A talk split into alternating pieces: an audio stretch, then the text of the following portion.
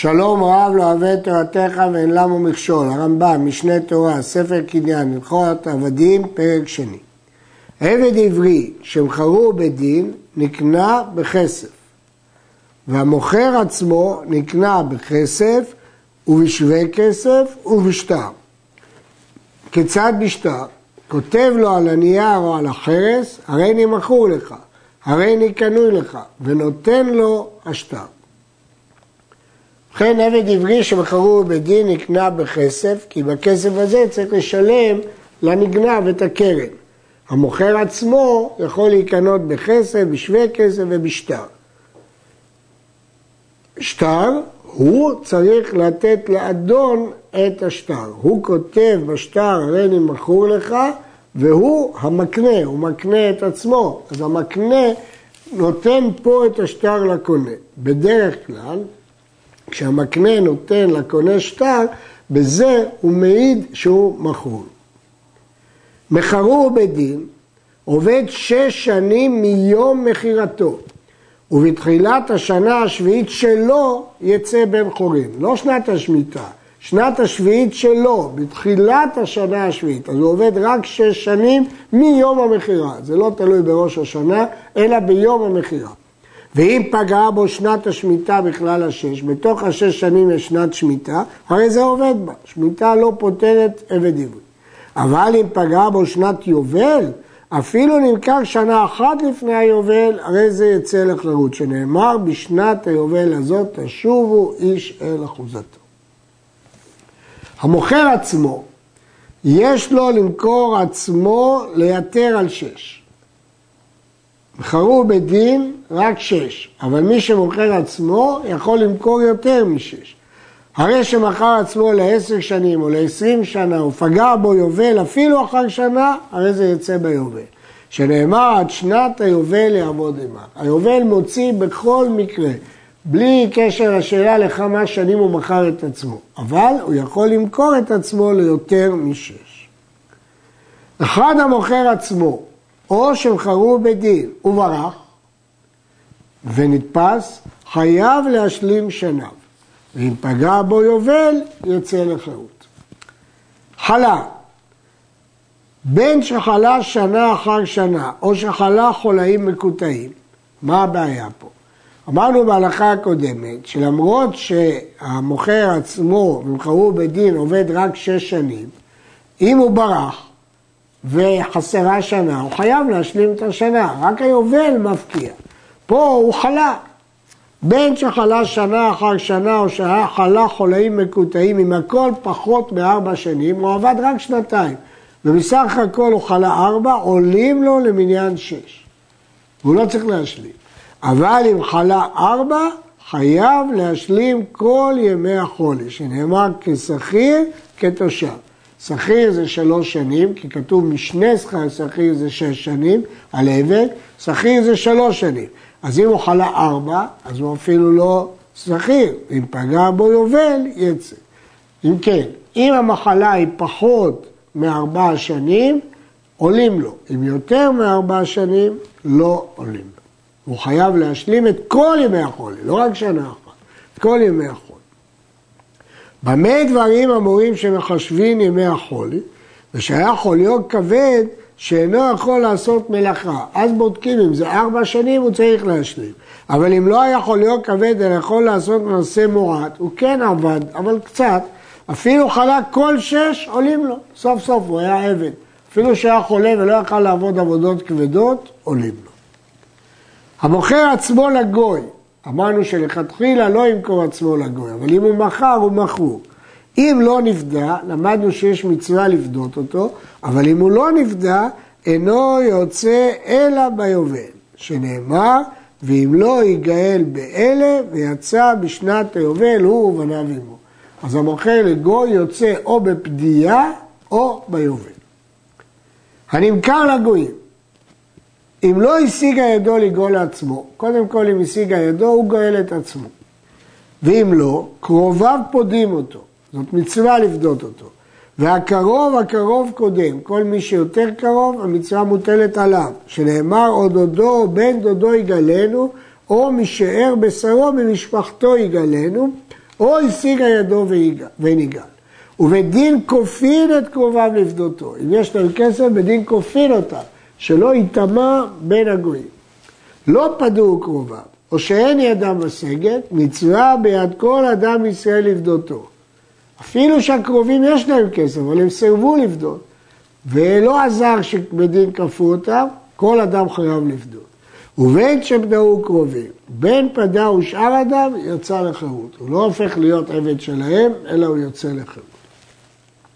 ויש לו, לאותו אחד שנמכר לגוי, ללוות ולגאול עצמו מן הגוי. אפילו שהוא משיג הלוואה וגואל החצאין, הוא גם יכול לגאול חצי משנות העבודה שלו.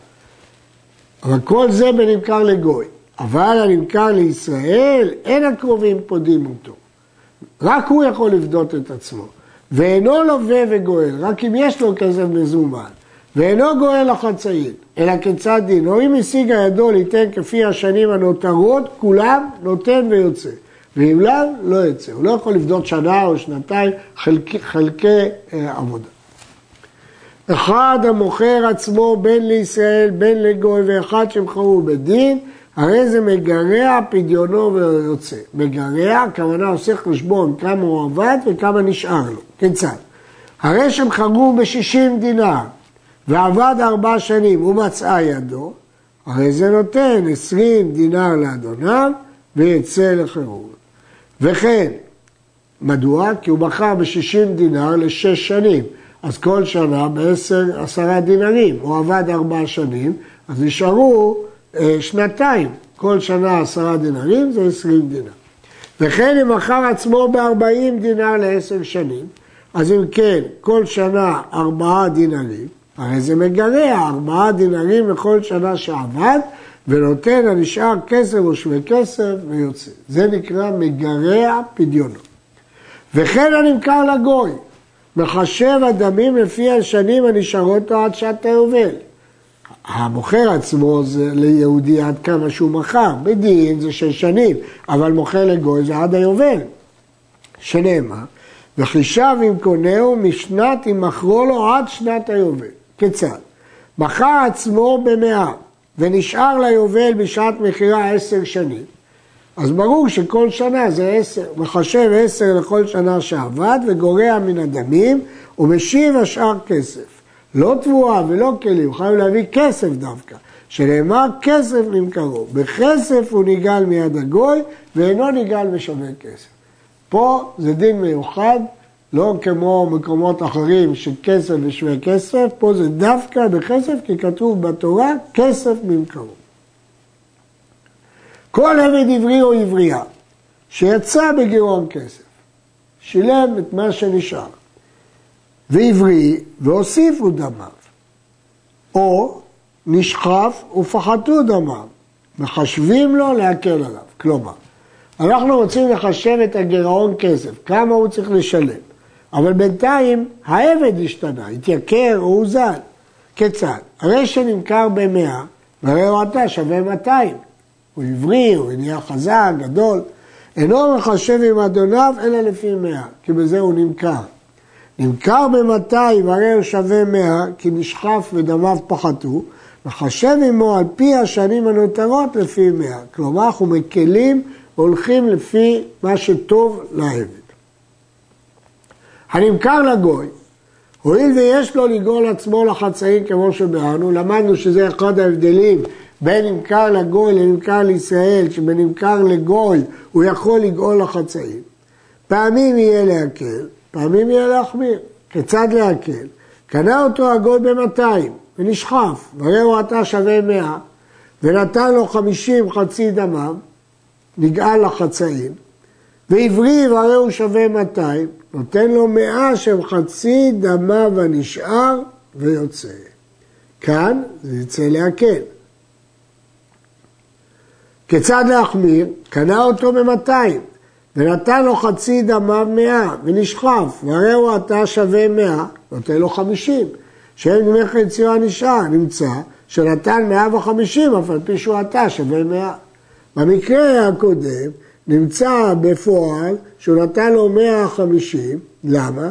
כי בהתחלה הוא נתן לו הוא, הוא היה שווה 200, עכשיו שווה מנה, הוא נתן לו 50, ועכשיו הוא נותן לו 100, אז בסך הכל הוא נותן לו 150, אבל במקרה השני זה בדיוק להפך. הרב, שמחל לעבד על הכסף שנשאר לו לעבוד כנגדו, הוא לא פדה את עצמו, אלא הרב רוצה למחול לו. אינו מחול עד שיכתוב לו שטר שחרור. כיצד? הרי שקנהו בשישים, ועבד שנה או שתיים, ואמר לו, שאר הדמים מחולים לך, לך לדרכך. לא נפטר משלבודו עד שיכתוב לו שטר. אפילו המפקיר עבדו לא יצא אה, לחירות עד שיכתוב לו גט שחרור.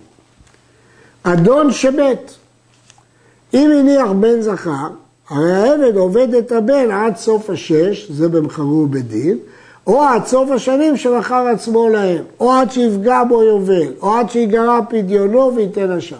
כמו שהוא עובד את האב, הוא ממשיך לעבוד את הבן, הבן יורש את העבד. אבל אם לא הניח בן זכר, הרי זה יצא לחירות. שאר היורשים לא יורשים עבד. ואינו עובד את הבת ולא את האח, ואין צריך לומר שאינו עובד שאר היורשים, רק את הבן. והנמכר לגר צדק או לגוי, אפילו הבן אינו עובד, אלא כיוון שמת האדון, יצא לחירות. גר צדק וגוי, הבן לא מיוחס עליהם, ולכן גם את הבן אינו עובד. עכשיו הרמב"ם מסכם. נמצאת אומר שעבד עברי נקנה בכסף או בשטר וקונה את עצמו בחמישה דברים. בשנים, אחרי שש שנים במכרו בדין, או מספר השנים שהוא מכר את עצמו במוכר עצמו, או ביובל, בכל מקרה, בכל עבד, או בגירעון כסף, אם הוא משלם את מה שנשאר, זה נקרא גירעון כסף, או בשטר שחרור, או במיתת האדון בלא בן, ובגוי או בגר, במיתת האדון אפילו הניח בן. מצווה לומר לו צא בשעת יציאתו. ואף על פי שאם לא אמר לו הוא יוצא בחינם ואינו צריך שתה, אפילו חלה והוציא עליו רבו הוצאות, אינו חייב לו כלום, שנאמר יצא לחופשי חינם. מצווה לומר צא, למרות שגם אם הוא לא אמר לו יוצא בחינם. אפילו חלה והוציא עליו רבו הוצאות, הוא לא חייב לשלם כלום, שנאמר יוצא לחופשי חינם. עד כאן.